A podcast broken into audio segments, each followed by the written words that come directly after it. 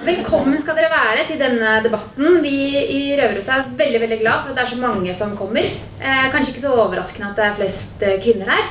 Så, men dere får spre ordet videre til alle mennene rundt omkring i eh, kriminalomsorgsverden. Jeg skal bare si først at eh, Røverhuset det er vi som lager eh, Røverradioen. Og Røverradioen det er da radio laget av eh, innsatte som da sendes inn i fengsler men er tilgjengelig for alle på utsiden. Og Det betyr at hvis dere er interessert i å høre de innsattes stemmer, så burde dere abonnere på Røverradioen på podkast. Så vet dere det, bare søke på iTunes, og så finner dere Røverradioen. Eh, når det er sagt, så eh, vil jeg bare si at hvis det brenner eh, så må man gå ut av lokalet. Hvis man må på do, så er det toalett helt, helt nederst i bygningen. Så det lønner seg å bruke, beregne tiden sånn at du rekker gående. Og eh, hvis dere har noen spørsmål underveis, som dere sikkert får, husk lager lagre de i hodet. Og så kan dere få lov til muligheten til å stille panelet da spørsmålet på slutten. Og så blir det mer musikk fra Ava Freddy helt til slutt. Sånn at når vi har brukt tonene våre masse, så kan vi kose oss litt med musikken. Så det blir bra. Da kan jeg bare begynne å presentere panelet som vi har i dag. Eh, det er eh, første, første person er eh, Susann Five fra Kriminalomsorgsdirektoratet. Dere kan ta en liten applaus. Og så har vi Gunnar Lafsen fra JURK, som er da juridisk rådgivning for kvinner. Så er det da Britt eh, Torkelsen. Ås Torkelsen. Ås Å, jeg beklager. Britt Ås Torkelsen. Og hun er da verksmester i Bredtvet kvinnefengsel. Og har da tolv års erfaring derfra. Og sist, men ikke minst, programleder i Røverradioen, vår egen røver, Heidi.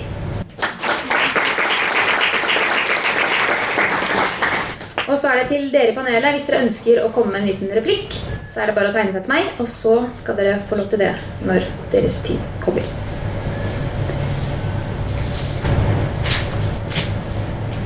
Ja. Um, da bare begynner vi. Det er jo mange av dere som sitter her i salen som ikke har vært så heldige, får jeg vel si, å få oppleve hvordan det er å sone i fengsel. Eh, derfor tenkte jeg at vi kort skal begynne med å snakke litt om hvordan eh, det er å sone i fengsel, og hvem som er eh, kriminelle kvinner. Um, og så er det et spørsmål til alle her i panelet. Kan vi konstatere for publikum at kvinnefengsler ikke er som de blir fremstilt i Hollywood? Altså f.eks. i Orange is the New Black? Det er så langt ifra virkeligheten som det går an å få bli. Alle er enig? Ja. Da har vi fått, eh, fått plass det. Um, første spørsmål til uh, Jurk og Dagun. Um, hvilken type kriminalitet er vanligst for kvinner? Altså det som viste seg i den undersøkelsen vi har fra 2012, er jo at uh, flerparten satt inne for narkotikaforbrytelser. Og deretter vinnings- og voldsforbrytelser. Er det noe som skiller seg fra menn, f.eks. når det kommer til sosial eller økonomisk tilhørighet? Eh, ja, altså det som eh, Det viste seg eh, ut fra, fra, de erfaringene vi har både fra saksbehandling i fengsel og ut fra den eh, rapporten vi hadde i 2012, var jo at mange føler at det er eh, manglende sosial tilhørighet fordi de opplever det som at de blir sanksjonert når de også kommer ut. De er redd for eh, utstøtelse. De opplevde også de som har sonet før, at de har blitt utstøtt sosialt. da. Mm. Uh, Heidi, uh, hvordan er kriminelle miljøer for kvinnelige sammenlignet med de mannlige? I utgangspunktet ikke så ulikt, bortsett fra at menn er mer utagerende, dvs. Si voldelig. Kvinnfolk bruker vel mer list. Enten stiller de seg bak og bruker en mann for å få utøvd sin makt, eller så tyr de til sånne simple metoder som å klippe noen kort. På håret? Ja. Ta skalpel på dem, rett og slett. Det er sånne smålige ting som ofte skjer. Men finnes det mange altså, det fin- finnes det mange kvinnelige gjenger og sånt i den norske kriminelle verden? Ikke som jeg kjenner til. Og jo høyere opp du kommer der eh, straffenivået blir høyere, jo lavere er andelen kvinner òg. De slipper ikke til på samme nivået. Det blir mer enn mannsdominert. Og da tenker jeg på i større narkosaker og sånne ting, så er jo menn overrepresentert i forhold til kvinner. Hvor tror du at kvinner er Hvor det er flest kvinnelige kriminelle? På gatenivå og mellomnivå. Eh, Gunn, hvor ofte kommer man over kvinnelige gjengangere? Og for de som ikke vet hva en gjenganger er, så er det en person som har vært flere ganger inn og ut av fengsel. Ja, da må jeg se litt for å svare helt uh, riktig. Uh, men det var uh, ca. 60% som eh, sonet for første gang ut fra den undersøkelsen vi hadde. Og det var en tredjedel som hadde sonet to til fem ganger før. Ok. Mm. Britt, ser du mange gjengangere på Bredtvet? Nei, jeg vil ikke si det. Vi ja, Kanskje vi har én til to. Eh, Det som vi kaller for VIK-innsatte, altså som kommer raskt tilbake i fengsel. Altså det betyr at du da har en gjengangerproblematikk. VIK er Very Important Criminal. Ja. Ja. rett og slett. Det er politiet som har lagd det. Rett og slett. Så én til to i snitt kan jeg si at det sitter. Og så Av hvor mange cirka? av eh, de 64 som sitter på Bredtvet, da. Ja. Så kan jeg ikke uttale meg på landsbasis, men det er det vi ser. Så det er jo eh, ofte knytta mot russproblematikk. Og det sier seg sjøl at det er et løp som skal på en måte gå til man har gjort enten et riktig valg eller et helt feil valg til slutt. Og så har vi hentet ut et eh, lite utdrag fra Kriminalomsorgens rapport, eh, hvor det står Likeverdig forhold for menn og kvinner under kriminalomsorgens ansvar. Eh, eller det heter rapporten. Og så står det Kvinnene under kriminalomsorgens ansvar gis forhold som er tilrettelagt ut fra kvinnens behov. Men det er slående hvordan kvinnepopulasjonen i kriminalomsorgen glimrer med sitt fravær i så å si alle dokumenter som har med kriminalomsorgen å gjøre. Populasjonen fremstår som enskjønnet. Sitat slutt. Eh, Susanne fra KDI, eh, hvordan er det blitt slik? Eh, Aller først, før jeg skal svare, hører dere meg? Ja. Nei, jeg rister på hodet. Hører dere nå? Ja.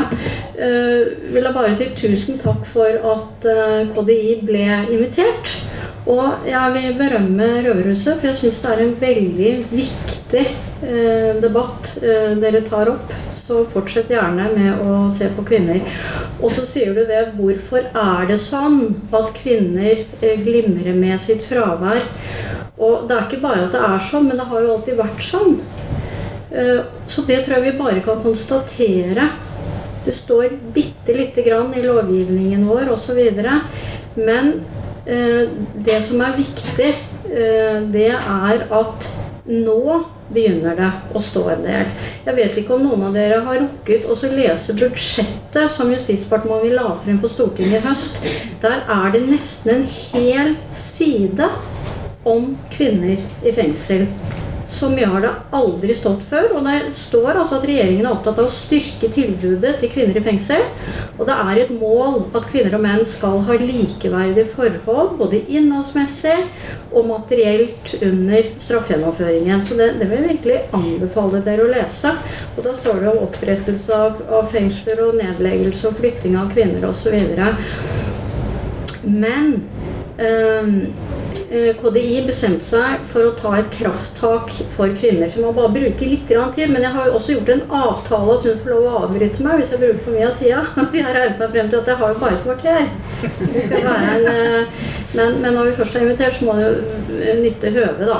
Men i hvert fall våren 2014 så eh, nedsatte eh, KDI en arbeidsgruppe eh, som skulle se på alle forhold ved kvinnelige innsatte eh, sin, eh, sin situasjon. eh, også de som gjennomfører straff i samfunnet. og komme forslag til forbedring. Og eh, i januar 2015 så la arbeidsgruppa frem eh, denne rapporten. Og det er over 60 ulike tiltak. Jeg håper mange av dere har, eh, har lest den. Uh, og så på bakgrunn av hørings, høringsuttalelser som kom inn etter den, men også Sivilombudsmannens uh, uh, altså De har jo en egen sånn forebyggingsenhet imot tortur og umenneskelig behandling ved frihetsberøvelse. Og også rapporter fra Likestillings- og diskrimineringsombudet. Så har vi laget et utkast til strategi for kvinner. Og Det er første gang jeg har laget, og den ble sendt på høring i går. Og Røverhuset er én av 40 høringsinstanser. Dere har frist ut året eh, til å uttale dere. Eh, så det er bare sånn at nå, nå må vi gjøre noe. Eh, og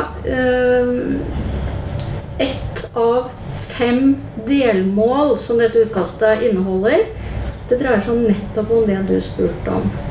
Det er synliggjøring. Så altså Vi kaller det styringsinformasjon, og det er f.eks.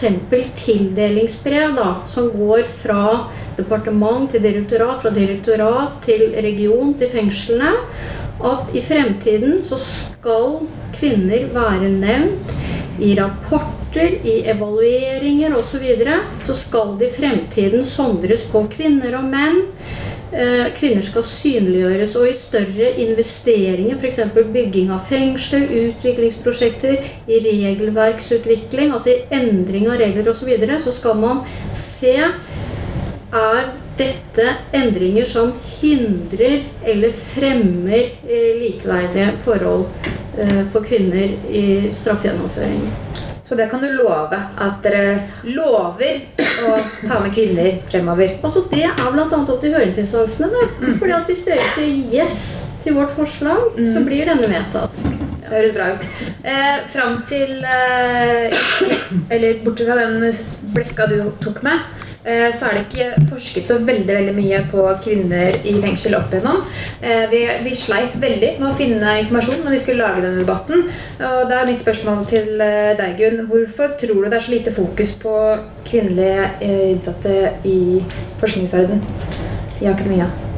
Nei, altså det er litt vanskelig for oss å uttale oss egentlig om, men eh, nå er det jo sånn at iallfall var det det den gangen. Mellom 5 og 7 av fangebefolkningen som var kvinner.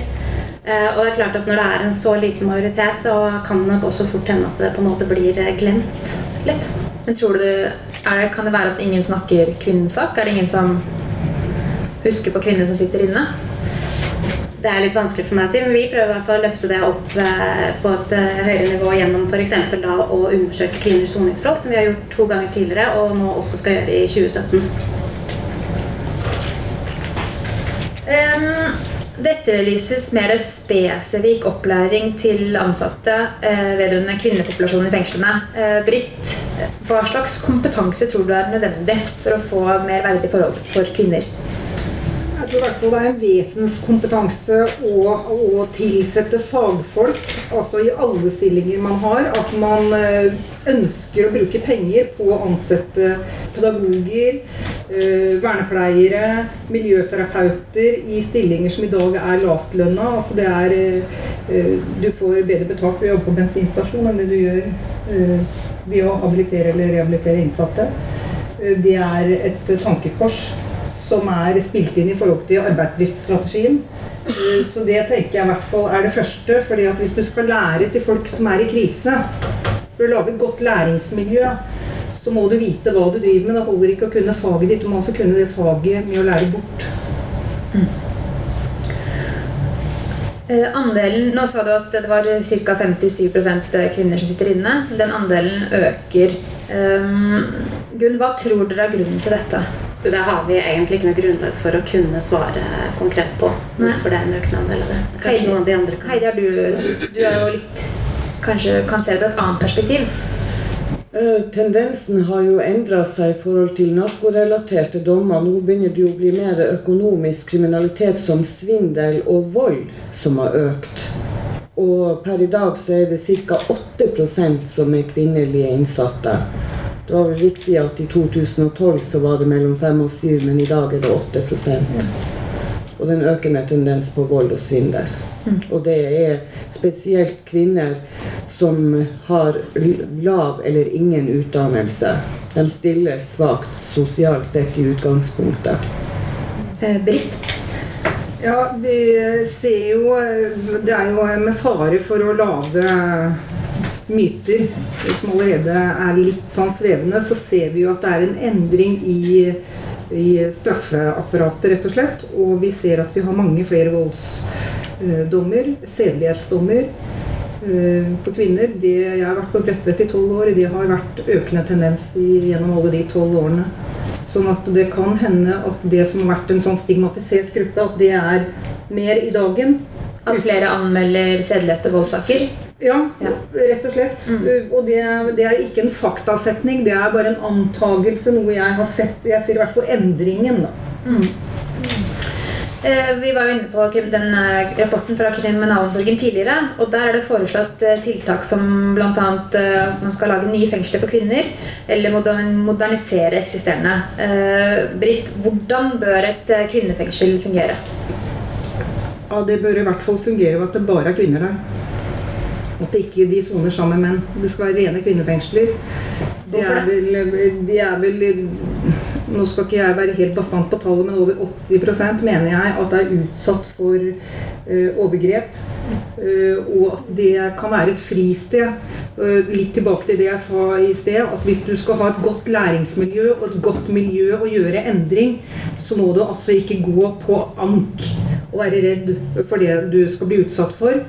Eh, Eller at du faller tilbake i gammelt mønster ved å bruke de mennene du soner sammen med. Man ser det, Vi har sett det i forbindelse med den arbeidsstrategien som ble laga, hvor det ble sett ganske nøye på kvinner som satt i mannsfengsler.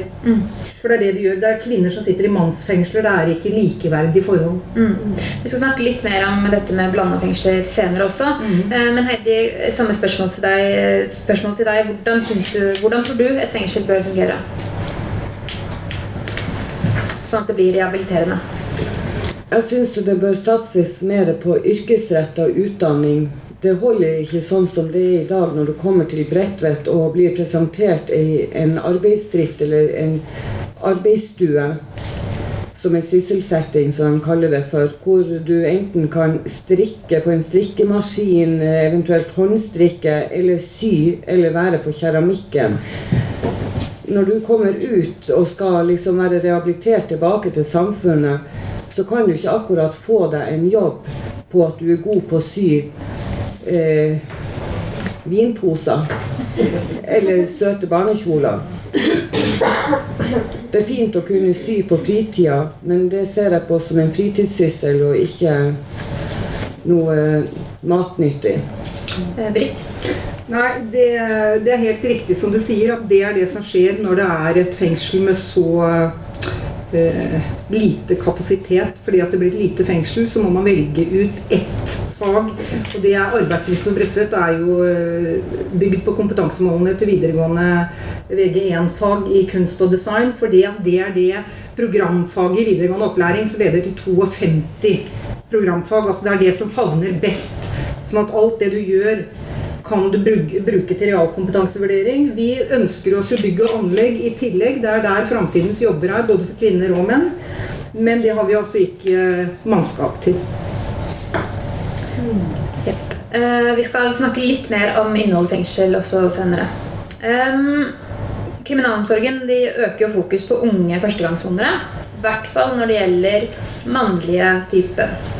Og da lurer jeg på, Susanne i KDI, hvordan arbeider dere for kvinner? Har dere tenkt på å forsøke med noen avdelinger, sånn ungdomsavdelinger for kvinner?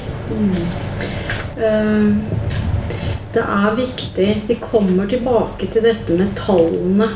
Eh, Og som du nevnte, 8 eh, 8% nyinnsettelser i året kvinner. Men eh, hvis du ser på de som oppholder seg i fengsel, eh, enten domssonere eller varetekt, så er det 5,7% Tok akkurat ut statistikk eh, på det nå. Eh, Jeg har bare lyst til å slenge til i samme momentet at av de som soner dom i Norge, så er 60% de soner det ute i samfunnet. enten at de har blitt idømt samfunnsstraff av en domstol, eller at kriminalomsorgen har gitt dem EK.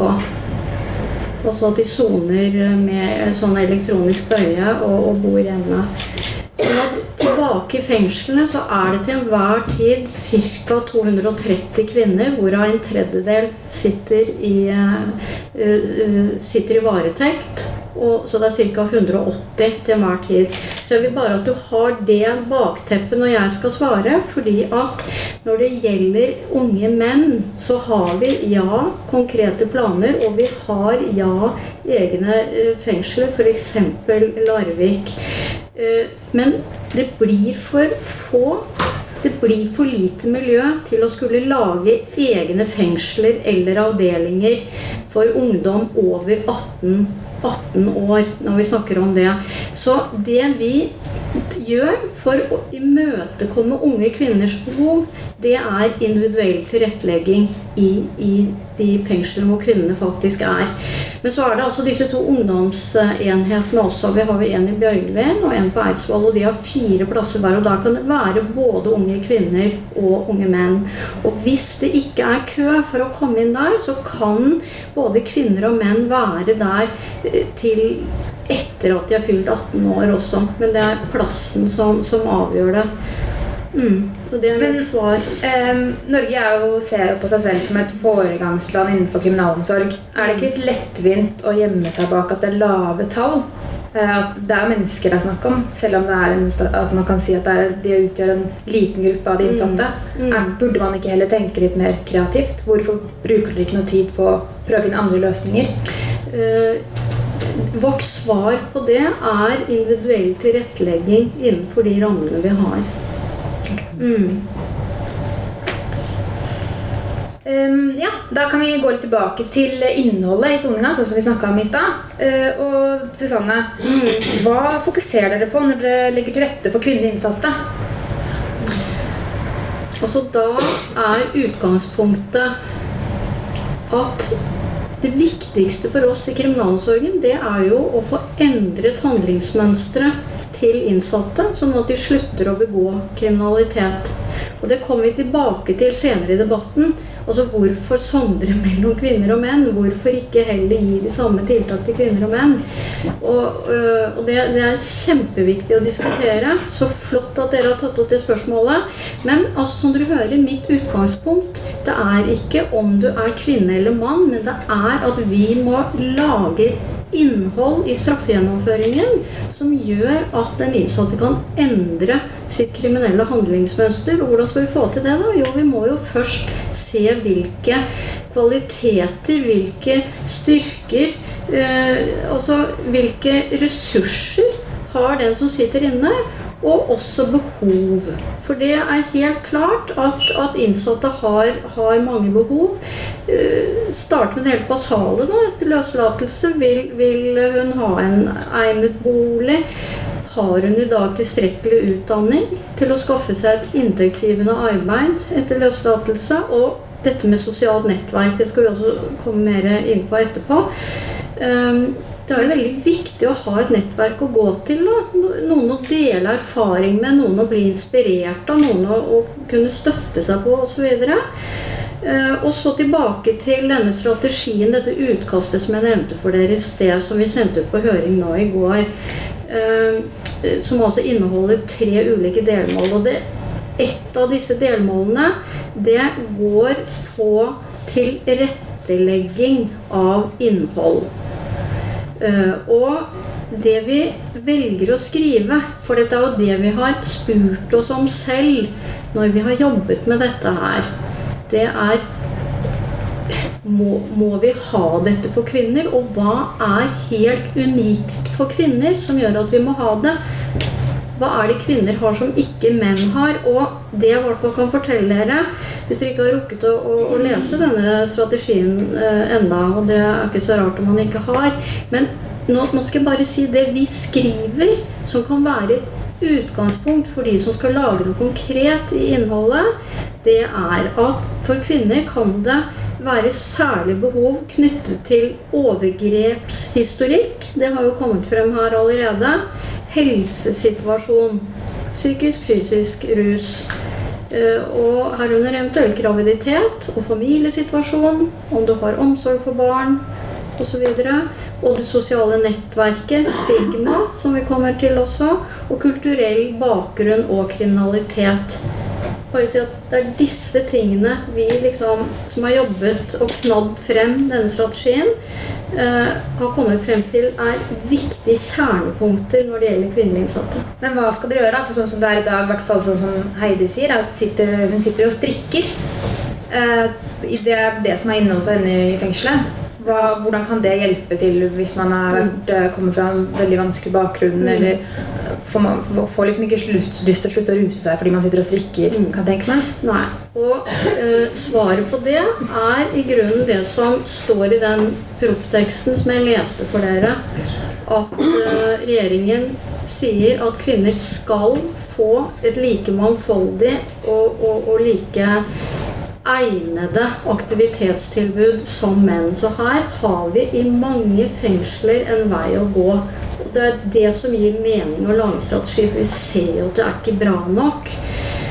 Um, men uh, for å ta det delmålet da, som går på innholdet, uh, som vi skal bedre på, uh, så, så sier vi helt klart at kvinner skal få et like allsidig og omfattende innholdstilbud som menn. Og kvinner skal prioriteres i utvikling av digitale løsninger, sånn at de kan skype osv. Med, med familie.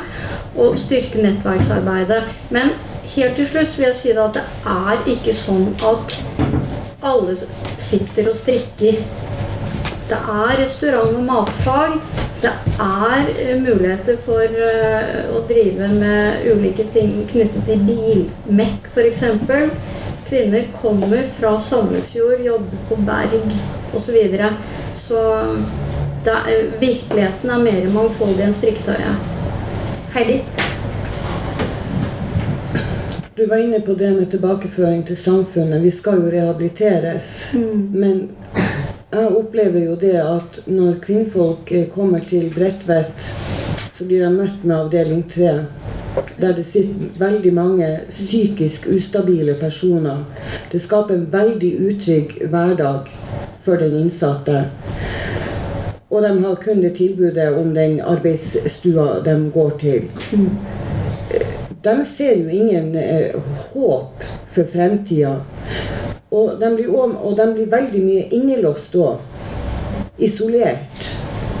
Fordi at det er ikke penger pga. budsjettkutt. Gjentatte budsjettkutt. Så det som heter kriminalomsorg i dag, det vil jeg si at vi kan stryke ordet omsorg. Og skrive oppbevaring. Jeg vil svare på det. Eller vil du kan Jeg kan ta det direkte, jeg, siden det er på det fengselet jeg jobber.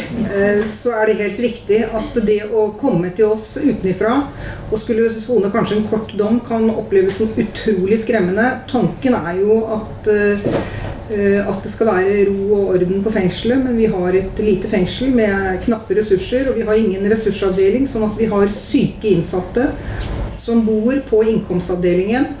Eh, og det kan oppleves utrolig skremmende hvis du kommer etter å ha sittet 24 timer på glattcelle og blir satt rett dit, og det skrikes og bankes i vegger, og, og, eh, du blir ikke flytta på før det er ledig på andre avdelinger. Så det er ei en ønskesituasjon, sikkert verken fra KDI, Bredtvet fengsel, og det er i hvert fall ikke helsebringende for noen av de som bor der. Så, så det får jeg nesten bare støtte. Susanne? Ja, nei, Jeg vil bare støtte det Britt sier. Og jeg, jeg skjønner, jeg er helt enig i den virkelighetsbeskrivelsen du gir. Eh, Bredtvet eh, er jo ikke bygget for å være et fengsel. Bygningene eh, består av mur. Eh, veggene av mur, sånn at det er jo veldig sånn ekko og lyd. Eh, Det er trangt under taket, det er eh, trangt i gangene. Det er det i mange andre fengsler også. Og at det kan oppleves skremmende med psykisk ustabile innsatte, noe vi vet det er. Det er økende også. For veldig mange av de som soner straff, de soner ute i samfunnet. Og det, det er jo gjerne folk som ikke har den type ø, psykiske problemer. Eh, mm. Men, og, og, og, til det du sier med budsjetter, det er også som man kan lese av proppen, at vi har fått kutt de siste årene. Så vi er helt klar over at, uh, at det er krevende uh, å, å leve, leve, ute. Ja. Eh, Britt, har du noen eksempler på soningsinnhold tilpasset kvinner?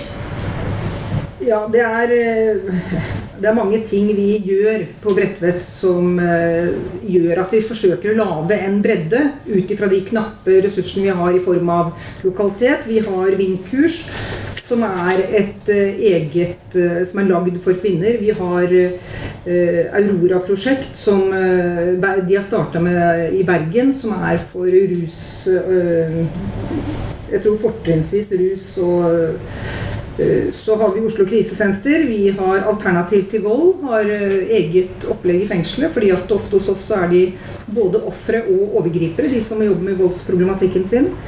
Eh, så har vi andre ting gjennom bibliotek og fritidsleder som er tilpassa kvinner. Altså det interessefeltet som kvinner beveger seg, og hva de trenger. Yoga, avspenning, strikking for Syria Eh, vi har Nav-kurs som stimulerer til lønna fritidsaktivitet når de kommer ut av fengselet, fordi vi vet at eh, fritiden er det som er eh, svikt. Grunnlaget rett og slett er det som gjør at folk ofte kommer tilbake. Det er fordi de ikke takler fritiden. Det å være i lønna arbeid eller i skole, det går bra for de fleste. Så vi har Tyrili. Altså Vi har mange ting som vi har forsøkt å lage tilpassa kvinner, men det vi ikke vet, er jo at vi lager det ut ifra det vi tror at de trenger. Litt hvordan vi har tempen på det, men vi baserer det ikke på forskning. Så det vi lager, det lager vi ut ifra magefølelse ofte. Men øh, nå sier du at dere har masse ting som dere tenker ok, det her passer bra til en kvinne. det her passer bra til en kvinne. Mm. Er det kanskje litt gammeldags å hele tiden tenke så spesifikt for kvinner? Kan det bli problematisk? Nei, jeg vet ikke. det. De fleste som sitter her i salen, har sikkert relasjon til en av det andre kjønnet. Så vet man jo at bl.a. at man løser konflikter på forskjellige måter. Og at kvinner liker å snakke seg gjennom det. Kan det bli mye prat, ifølge mannen min i hvert fall. Sånn at jeg tenker at det man må eh, erkjenne de forskjellene som er, og tenke at det, det er ikke noe gærent i det. Det er sånn det er, rett og slett. Og så tror jeg at man skal ikke bli helt låst. I, og vi ser det jo når man har yrkesvalg i videregående skole, er det fortsatt tradisjonelt sykepleiere og helsefagarbeidere. Det er kvinneyrker. Det er fortsatt en del ting som er det er sånn det er, rett og slett. Og så kan jo vi være et foregangseksempel for hele Norge. Og bare tilby det som tradisjonelt er mannsdominerte yrker. Men jeg tenker at hvis vi klarer å få til en miks, hadde det vært fint. Mm. Eh, Heidi, nå skal jeg være litt ekkel eh, mot deg. Har du eh, rett til å klage på innholdet i fengselet, du som har brytet loven?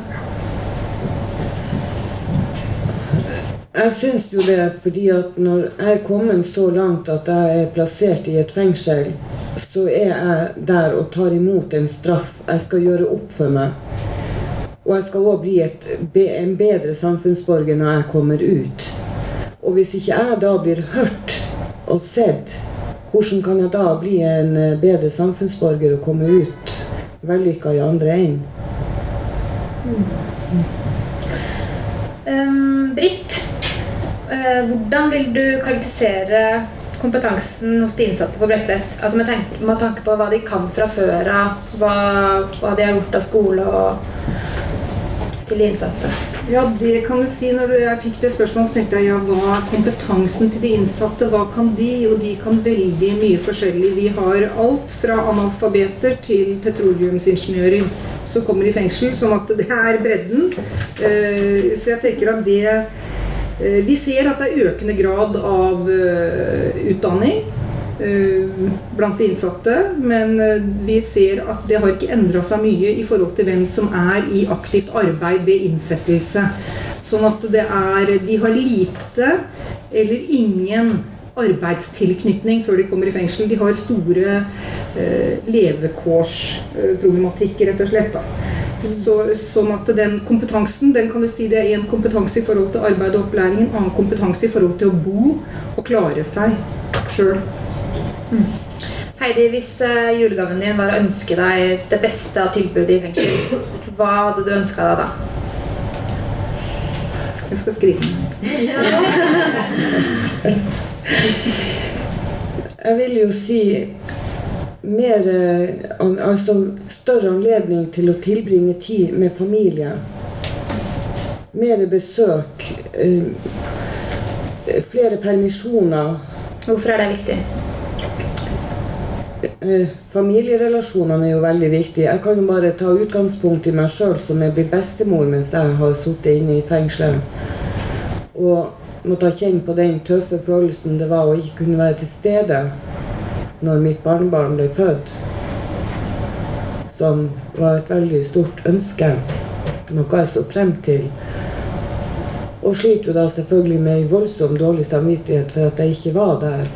Og for meg er det utrolig viktig da å prøve å kunne stille opp for datteren min i den grad jeg kan. Og også ikke minst knytte kontakt til denne babyen, sånn at ikke jeg kommer ut når ungen er tre år og jeg er bare en fremmed person. Hvem er hun Mommo? Mm. Og nå er jo jeg fra Nord-Norge, som alle sammen hører. Jeg er fra Tromsø. Og der bor datteren min. Og nå har jeg to ganger på rad opplevd at hun har tatt fly og kommet hit ned til, Tro- eh, til Oslo for å besøke meg. Hvor det har vært fullt på besøkslista på Bredtvet kvinnefengsel, avdeling B2 åpen. Så hun har sittet her i Oslo i hele uka uten å få lov å besøke meg. Reist, kommet tilbake. Vært i hele ny uka. Det har vært fullt. Hun har ikke fått besøkt meg. Hun bruker penger, tid og ressurser på å komme ned med barnebarnet mitt, og så får ikke jeg møte dem fordi at andre har booka opp. Og da tas det for lite hensyn.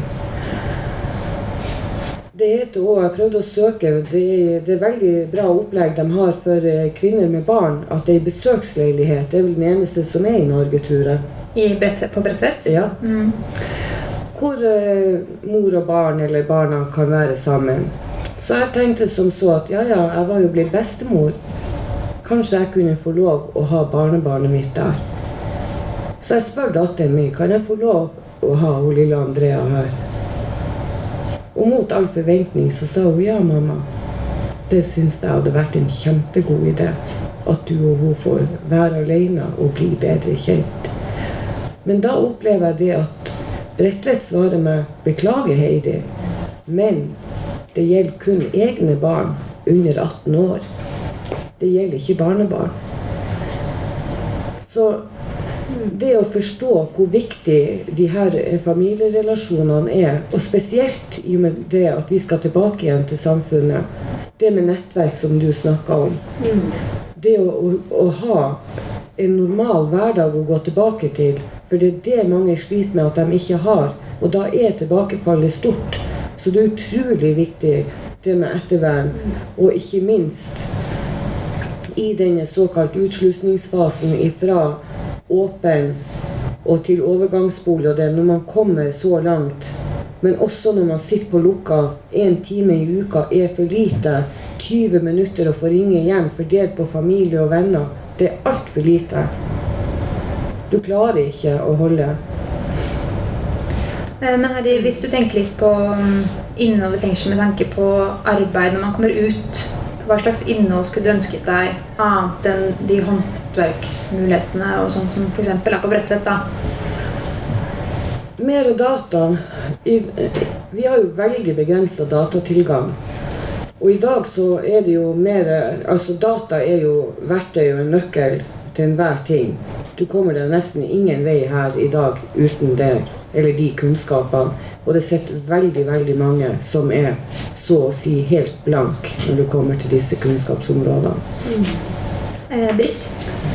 Ja, det, det med data det er jo noe vi ser, og det er ikke bare det med data. Når du snakker om det der at man mister kontakten med nettverket hjemme, så kan man jo tenke seg selv hvis du kommer i fengsel i dag, så blir du jo frarøvet smartphone og smartbrettet ditt, altså livet. Og det får ikke noe tilgang på inne. Og de som, det sitter mange hos oss som ikke er kjent med hva det er for noe. Eh, Som vi opplever at det blir relativt vanskelig å komme ut. Sånn at vi sitter i disse dager og utarbeider ny kursplan for Nav-kurs. AMO-kurs i fengsel som går på, på basisferdigheter innenfor data og smartphone. Hvordan du kan komme deg inn på Digipost, Altinn, alt dette. Du, altså, hvis du sitter 15 år i fengsel i dag, så kommer du til en verden som du ikke gjenkjenner. Så det er kjent, kjent for oss. Susanne? Jeg har bare lyst til å knytte tre kommentarer til det du sa. Eh, Og det du nevner med datteren din som reiser den lange veien og blir sittende en uke. Jeg må bare si at jeg har jobbet i kriminalsorgen i 32 år. Jeg jobber på Bredtvet også. Men det har jeg aldri hørt. Så la oss håpe at det er den eneste gangen det har skjedd. Men, men det må være mulig å unngå noe sånn i fremtiden. Det, det mener jeg virkelig. Og det andre, eh, som du sa, dette med kontakt med barnebarn. Altså, vi har jo ikke noen regler i dag som sier spesifikt om, eh, om bestemor. Og når vi tenker på hvor høy gjennomsnittsalder vi har på de som sitter i fengsel, så er det jo sikkert flere bestemødre enn deg. Eh, og når det gjelder data det er noe jeg har jobbet masse med eh, gjennom skolen i fengsel. Altså Over halvparten av alle innsatte går på skolen, og de aller aller fleste får jo bruke da eh, IFI eller DFS, som er en sånn begrenset og kontrollert internettilgang. Men det er jo mange innsatte som ikke går på skolen også. Så det er noe vi tenker på og jobber mot. At flere innsatte, også de som er i arbeidsdriften og som ikke går på skole, skal få bruke data. For vi, vi, vi ser det også i forhold til behov for kvalifisering. Ja. Eh, Gunn og Susanne, er det heldig å fokusere for mye på forskjeller eh, mellom kvinner og menn? Siden i samfunnet ellers så fokuserer man jo på likhetene og likestilling. Eh, Jeg tenker jo at det fort kan bli eh, uheldig å ikke også fokusere på de forskjellene som er. Eh, Gjennom at man ser på de altså, Likhet oppnår man også med å se retten nedenifra. Se på de forskjellene som ligger der, for å kunne få likeverdige tilbud og rettigheter. Så jeg tenker at det, det er ikke nødvendigvis motsetninger. Jeg tenker at man må se på ulikheter for å fremme likheter også. Dere har jo eksempel, dere er, JURK er jo for kvinner, og så er det uh, Jus, Jussbuss, Mm. som er for, først og fremst for mannlige De er vel for begge deler, men eh, vi skiller eh, skilles eh, litt ulike former å både jobbe på, og at de har en inntektsgrense og har på en måte en annen gruppe de sikter mot, mens vi, sikter da mot de som definerer seg som kvinner. Men dere samarbeider ikke noe spesielt? Vi er jo i samme jushus, Ja. så vi, eh, vi kan gjøre noe. Jobber ikke altså vi sam, eh, De kan jo sende kvinner opp til eh, oss, holdt jeg på å si. Og vi ned klienter, holdt jeg på å si. Men det er ikke noe sånn at vi jobber noe rettspolitisk sammen, hvis det var det du tenkte på. Jeg tenkte på eksempel i undersøkelsen dere gjør, om dere utveksler noe kompetanse eller Vi har jo akkurat hatt et seminar på Røros, alle rettshjelpstiltakene, eh, hvor eh, kvinnelige innsatte var eh, tema. Så da har vi jo utvekslet litt erfaringer. Men det er jo i hovedsak det er jo vi i JURK som besøker de kvinnelige fengslene i Norge. Susanne, ville du også svare på det spørsmålet? Ja, gjerne det.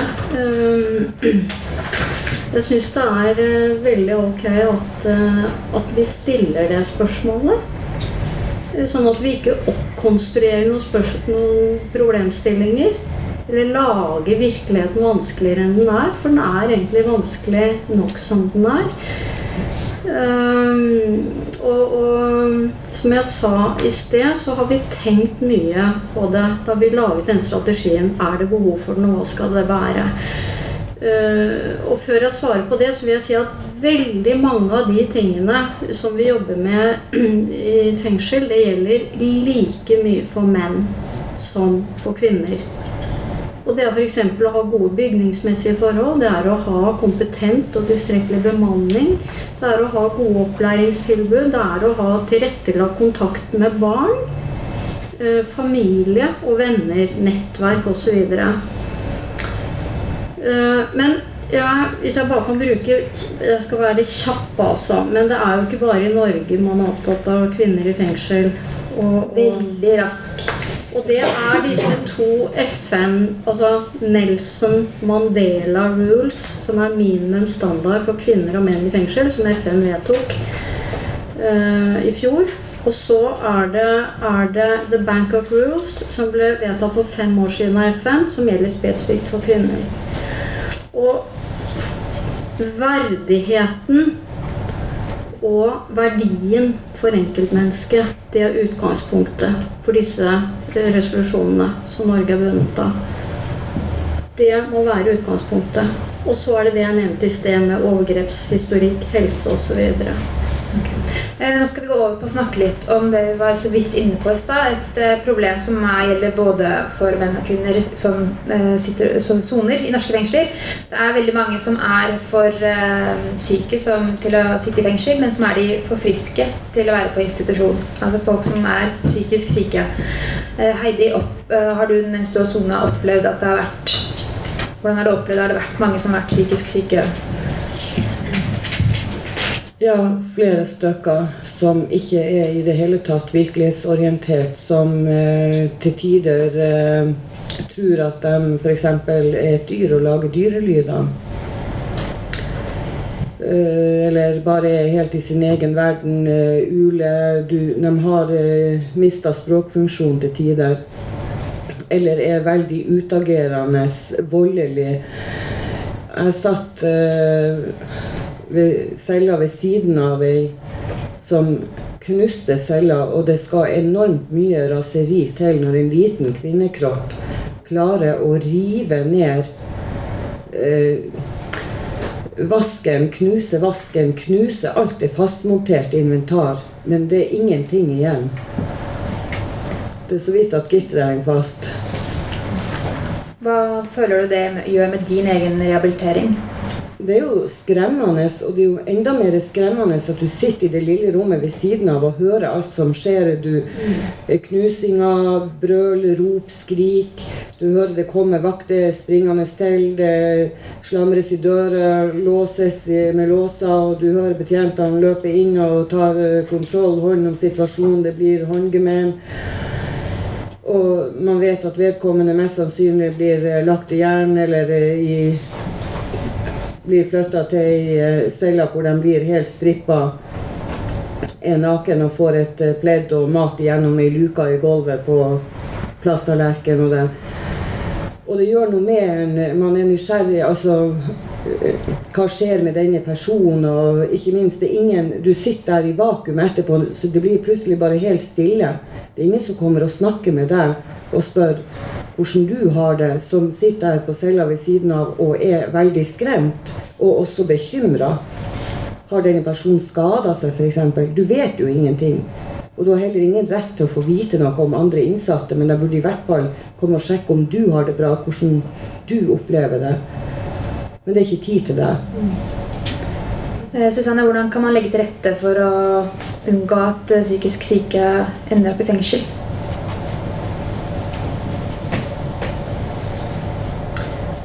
Det har ikke jeg eh, Altså, du har skrevet økt fokus på behandling av sykdom i fengsel. Jeg kan stille deg spørsmål på nytt, sånn som du liker det. ok? Nei, jeg, jeg, jeg bare laget eh, Ja, ja, ja, ja, det er helt greit. Fordi at det, det blir litt uh, annerledes. Men det vil jeg bare si, som du beskriver, sånn er det i mannsfengsler også. Uh, dessverre. Uh, det har alltid vært psykisk syke der. Men, men det jeg skal si, er at for første gang i, no i Norge så gjennomførte Helsedirektoratet en stor kartlegging av psykisk helse blant eh, domsinnsatte. Eh, den rapporten var ferdig i 2014. Det er sikkert mange som kjenner til den Kraner-rapporten. Og i årets budsjett, som jeg viste allerede, fra Justisdepartementet til Stortinget, så er det foreslått satt av 12 millioner kroner eh, til å etablere tre nye stifinnerprosjekter. Bjørgvin, Trondheim, Indre Østfold. Stifin, stifinneren er da rusmestringsenheter. Ja. Eh, og eh, det siste er at de har også satt av 10 millioner til å styrke fengselshelsetjenesten til personer med rus og psykiske problemer. Så dette er en skikkelig satsing. Eh, Eh, og, og, vi har jo også i dette strategiutkastet vårt sagt at vi må initiere tettere samarbeid med helsetjenesten om helsefremmende straffegjennomføring. Hør det. Jeg har aldri hørt det ordet før. Helsefremmende straffegjennomføring for kvinner. Og også etablere flere paragraf 12-plasser. Ja. Britt? Det som vi ser som utfordring, er jo at det gis til noen, og så tas det fra noen andre. Sånn at eh, de av oss som står i gjennomsnittshverdagen i straffegjennomføringa, er det jo mindre penger til. Det er mye alenevakter. Eh, det betyr at det Bredtvet bl.a. er jo et fengsel som har eh, vært veldig god på noe som heter dynamisk sikkerhet. Altså Det betyr at vi er mye ute i miljøet, fanger opp det som skjer før det på en måte eskalerer og blir uro. Det er det mindre tid til. Det er mer innlåsning. Eh, færre på vakt, altså færre, færre, muligheter for treffpunkter mellom innsatt og ansatt. Sånn at det vi får på den ene siden, blir tatt på den andre siden. Sånn at hvis man skal styrke, så er det viktig å styrke begge deler samtidig. Først da tror jeg at man kan få full effekt av de pengene som puttes inn i psykisk helse i kriminalomsorgen. Mm. Eh, Heidi, du var litt inne på det i stad. Du er jo både mor og bestemor. Um, hva, hva, slags oppfølging mener du trengs for personer som har barn i fengsel? Jeg var jo inne på det i sted med å gi utvida telefontid til familie. Utvida besøkstid. Også for dem som kanskje ikke er i permisjonsrutine, at det vil være muligheter for fremstillinger. Og for dem som ikke vet hva det vil si, så vil det si det at den innsatte kan dra ut med to betjenter. Enten til hjemmet sitt for å treffe barna, eller på en institusjon, alt ettersom hvor barna måtte befinne seg. Eventuelt dra på en aktivitet sammen med barna. Den muligheten har de ikke. De har én time per uke, og det er jo altfor lite. Mm. Eh, Susanne, hvordan kan dere legge til rette for mødre i fengsel? Eh, det som vi har som utgangspunkt, og det som følger av barnekonvensjon og lovgivning for barn, det er at det er barnets beste som skal være utgangspunktet for i hvilken grad og om mor eller far skal ha kontakt med, med barn. Vi har etablert barneansvarlig i alle fengsler, som prøver å tilrettelegge så godt som mulig å unngå en sånn situasjon som du sier. Og vi har også besøksleilighet, besøkshus i flere fengsler enn en Bredtvet. Uh, uh, Ringerike bl.a., men, men jeg vet det er flere uten at jeg har det i hodet for øyeblikket. Ja, Halden. Takk. Uh, og uh, i forhold til dette strategiarbeidet vårt, så sier vi jo at uh, man må styrke det. Men vi skriver ikke konkret at man skal øke ringetiden osv. Men det vi sier fordi at vi ønsker at kvinner skal sone på færre steder enn menn, primært i, i rene kvinnefengsler, så blir det da lengre avstand da, til familie for en del. sånn at Kvinner skal prioriteres når det gjelder å la innsatte få benytte Skype, f.eks. Det er bare som en sånn prøve å etterkomme behovet. Men vi ser det, at det er behov. Uh, Heidi, en kort replikk. Jeg syns jo det er flott det med Skype, men uh, jeg har et spørsmål. Eller jeg tenker, ja, som mor Jeg slutter jo ikke å være mor selv om datteren min er over 18 år. Um, hvorfor får ikke jeg samme rettigheter som de som har barn under 18 år? Min, min datter har jo akkurat samme behov for sin mamma som den på 16 år har. Mm. Har du lyst til å svare på det, Susanne, eller? Uh, jeg, jeg, kan bare si at vi har ikke noe konkret forslag om å endre på reglene. Men altså dette er sånn som vi kan få tilbakemelding på dere fra i denne høringsrunden. Så benytt sjansen. Eh, Britt, hvordan jobber dere med mødre i fengsel? Nei, vi har jo, som Susanne sa, vi har jo en egen barneansvarlig på, på Bredtvet, som alle andre fengsler har. Vi har jo en Eh, vi har jo denne flotte besøksleiligheten som ikke styres av et lokalt regelverk, hvis noen trodde det. Det er jo styrt eh, fra det regelverket som gjelder for hele kriminalomsorgen. sånn at det er ikke eh, alle som kan benytte det. Nå skal det sies at på Bredtvet så sitter det eh, De fleste har ikke eh, hovedomsorgen for eget barn. Eh, sånn at er, eh, leiligheten er tilrettelagt hvor også barnevernet kan være til stede. Eh, hvis ikke så er det individuelt tilpassa for hver enkelt. Vi har jo årlig stort sett noen som er gravid og føder i løpet av soningstiden. Og så det, da følges det opp i forhold til amming og, og alt det det måtte være. Uh, Så jeg tenker at det er sånn som det skal være, at det er individuelt basert. Uh, Vi barn i fengsel er veldig skummelt å ha mamma i fengsel eller pappa i fengsel. Vi prøver, hvis det er noen som skal være hos oss over tid, å vise de cellene hvor eh, mor bor. De får ofte et helt annet bilde på hva det er, for det ser jo ut som en helt vanlig hybel med bilder på veggen, ofte brev som barna har sendt. Sånn at, de, at det er avskrekkende. Eh, Så det tar vi oss tid til. Og så er det lagd informasjonsmateriell som er tilpassa barn i alle aldre, sånn at man ikke får, når man er 16 år, får en sånn liten sånn Donald-figur som mamma er i fengsel, liksom. Blir veldig rart. Så eh, Nei, det er eh, sånn vi jobber. Nå begynner vi å gå litt over tid her. Jeg håper at dere har lyst til å sitte her litt ekstra, sånn at vi får virkelig gått gjennom det vi følte var viktig å gå gjennom. Ehm, vi var inne på det i stad, dette her med eh, at noen kvinner i Norge soner sammen med menn. Og Heidi, eh, du har jo faktisk sonet Nå soner på Bredtvet, som er et kvinnefengsel, men du har også sonet sammen med menn. Hvordan er det eh, å sone sammen med menn? Nei, hva jeg skal si? Jeg hadde det som plommen i egget. Men det vil jo være i løgn fordi at bemanningssituasjonen tilsa det at jeg ble så å si totalt isolert. De hadde ikke bemanning til å kunne ivareta min sikkerhet, så derfor så fikk ikke jeg lov å ha samvær med mannfolkene. Jeg ble veldig mye innelåst. Bortsett fra å gå noen få timer på kjøkkenet og arbeide, så var det cellesoning på meg. Jeg hadde ikke mulighet til å lage mat. Jeg fikk eh, maten servert på ei trillevogn fire ganger om dagen. Og måtte spise alle måltidene mine inne på cella. Jeg hadde én time lufting per dag og én time gym eller trening da tre ganger i uka. Ellers så satt jeg innelåst på cella. Og det gjorde jeg i ni og en halv måned, og det er ikke forsvarlig. Um, det er jo noen lukka fengsler som både har mannlige og kvinnelige innsatte. Sånn som du snakka om nå, Heidi, hvor du var.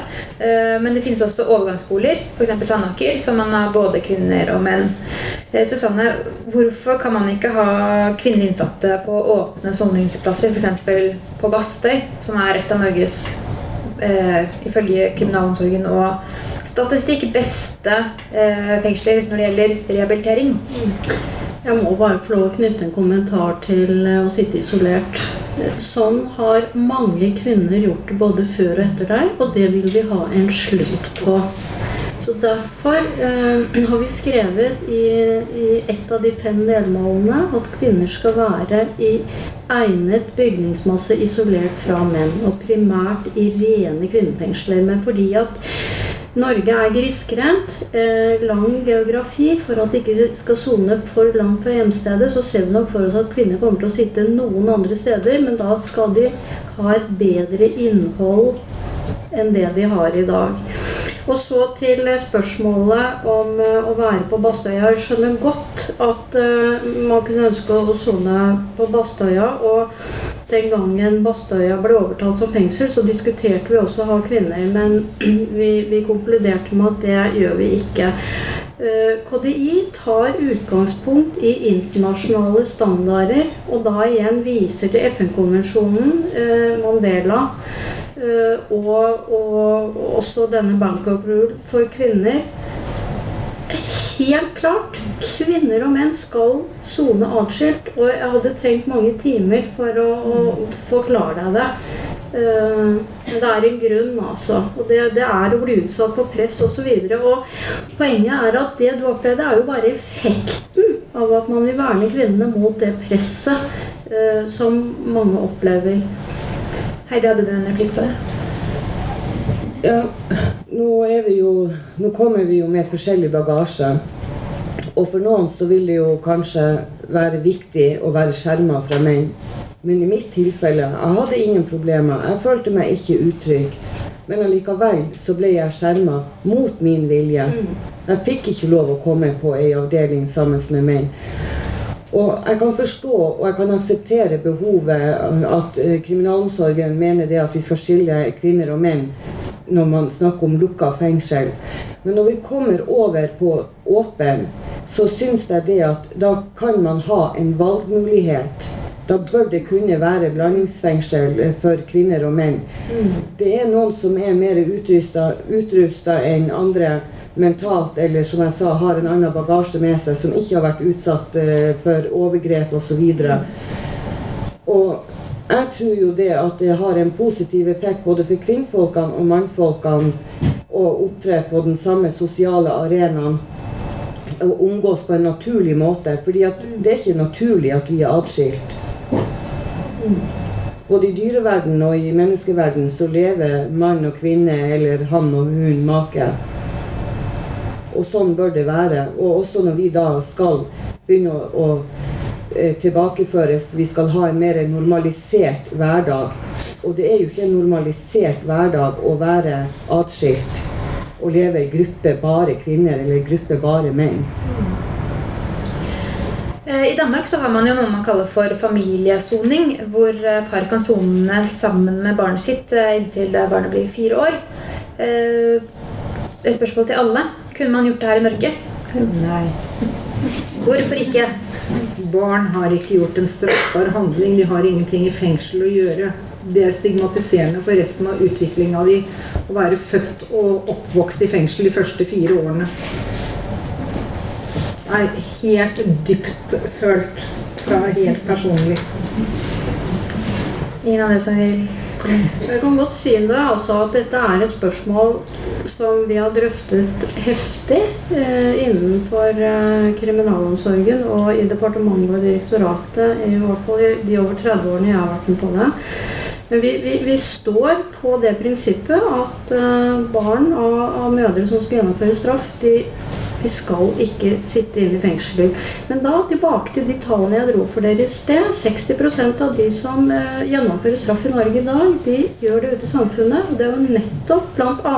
da hensyntatt barn, hvis det er barnets beste, at mor er sammen med dem. Og så prøver vi å få jenket dette til da, med, med barneansvarlig og ja, videre for de som må være i fengsel. Nå nærmer vi oss slutten, dere, så dere får bare holde ut litt til. Eh, Susanne, er det vanskeligere å føre kvinner tilbake til samfunnet enn menn?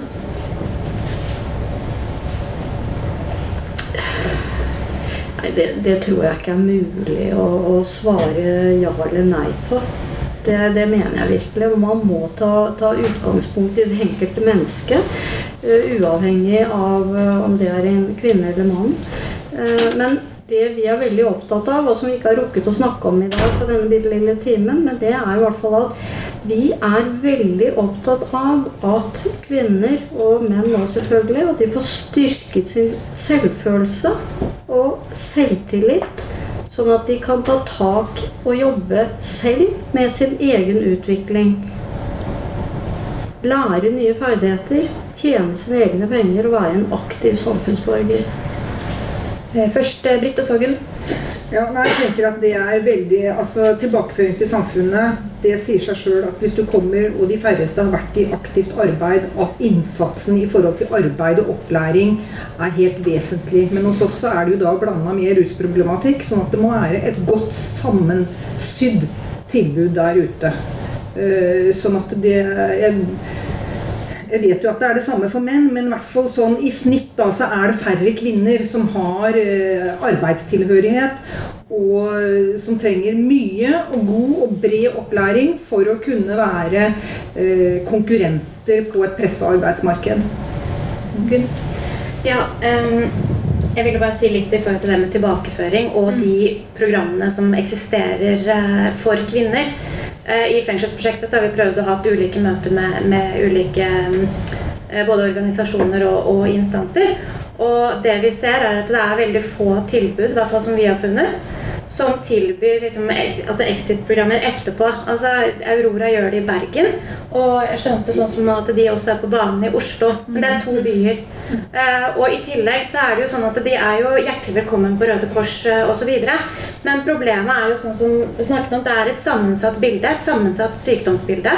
Og den undersøkelsen vi hadde, viste jo f.eks. at man ikke fikk nok uh, helsehjelp, ikke nok uh, tilstrekkelig eh, informasjon heller om helserettighetene sine.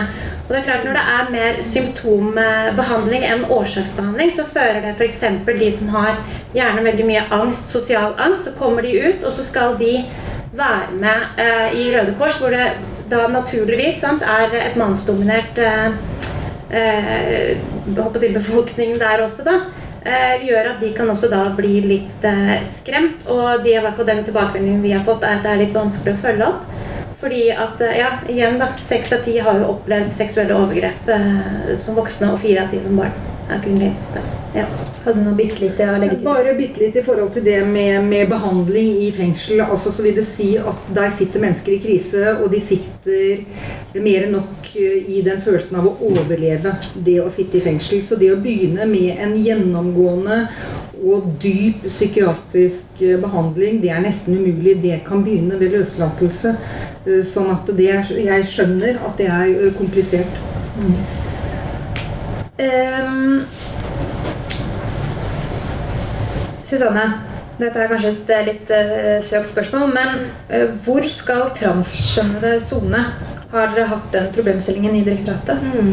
Vi, vi kjenner til problemstillingen, uh, og det er, en, det er spørsmål som vi må ta tak i og jobbe videre med, og som vi ikke har tatt opp i denne kvinnestrategien. Mm. Hva Ville du si noe, Britt? Ja, Vi har akkurat hatt likestillingsombudet på, eh, på befaring, på, eller tilsyn. Vi har jo hatt alle på tilsyn. I år har vi eh, rett og slett hatt fire sånne tilsynsorganer, og bl.a. Likestillingsombudet som har sett på det. eh, Sånn at det er kommentert i den rapporten deres. Ehm, er det et større stigma og tabu knytta til kvinneinnsatte enn mannlige innsatte? Det spør jeg til alle. Good. Ja, vi er i hvert fall av den oppfatningen at det er det. Eh, Det var i hvert fall mange i den undersøkelsen som vi hadde, som, eh, som var redd for sosial eh, utstøtelse når de kom ut. Og det er jo sikkert en litt sånn resultat av at selv om vi nærmer oss mer og mer et likestilt samfunn, så er det jo fortsatt en del sånne kjønnsstereotypiske oppfatninger vi har av hvordan det skal være å være en mor, eh, bestemor, eh, datter, ektefelle osv. Og, så og et brudd med de rollene man forventes å ha da, eh, vil gjerne føre til at man eh, føler seg mer eh, stigmatisert, og at det er et større tabu knyttet eh, til å avvike de rollene som på en måte er satt av samfunnet. Heidi? Fordommer, myter. Jeg havna på legevakta. Jeg hadde doble hjerteslag og hadde det over flere timer. Jeg hadde nettopp eh, vært innlagt hvor det var avdekket at jeg hadde hatt et hjerneslag. Jeg har høyt blodtrykk. Og kommer da på legevakta hvor det første legen sier er at eh, her er ikke noe medisiner å få. Jeg har ikke spurt om medisiner. Det er ikke sånn at enhver innsatt er en narkoman. Så fordommer er det masse av. Og jeg vil også si det at den virkelige straffa den starter den dagen jeg kommer ut, ikke nå når jeg sitter egentlig skjerma bak lukka murer. Eh, Da har jeg et siste spørsmål til dere, før dere kan få lov til å stille spørsmål. Eh, Hvordan kan vi alle jobbe for å dempe dette som Heidi snakker om, dette stigmaet, alle fordommene? Britt? Ja, jeg syns dere er inne på noe nå. Så hvis det er litt mer åpenhet, eh, litt mer årsaksforklaring til hvordan det kan gå helt gærent av gårde med noen og enhver, så er det sånn at det er ikke en helt spesiell rase som kommer i fengsel. Det kan skje hver og en av oss. Vi kan være så uheldige at vi kjører på noen eh, og havner i fengsel. Så jeg tenker at Det er noe man kan la synke innover seg. Det er ofte en sånn hverdagsøvelse når man jobber i fengsel. Hvordan ville jeg reagert hvis det var meg på den andre siden av læringssituasjonen? Eh, Jeg gjentar meg selv da, men jeg tror det viktige én måte i hvert fall eh, å få kvinner til å lykkes til å komme tilbake til samfunnet, det er godt innholdsarbeid mens man sitter inne. For å styrke selvfølelsen, selvtilliten, bygge mestringsevne, tilføre kunnskap, sånn at man kan bidra på en eller annen måte ute i samfunnet. Ja, da får det være et uh, fint punktum, punktum for nå.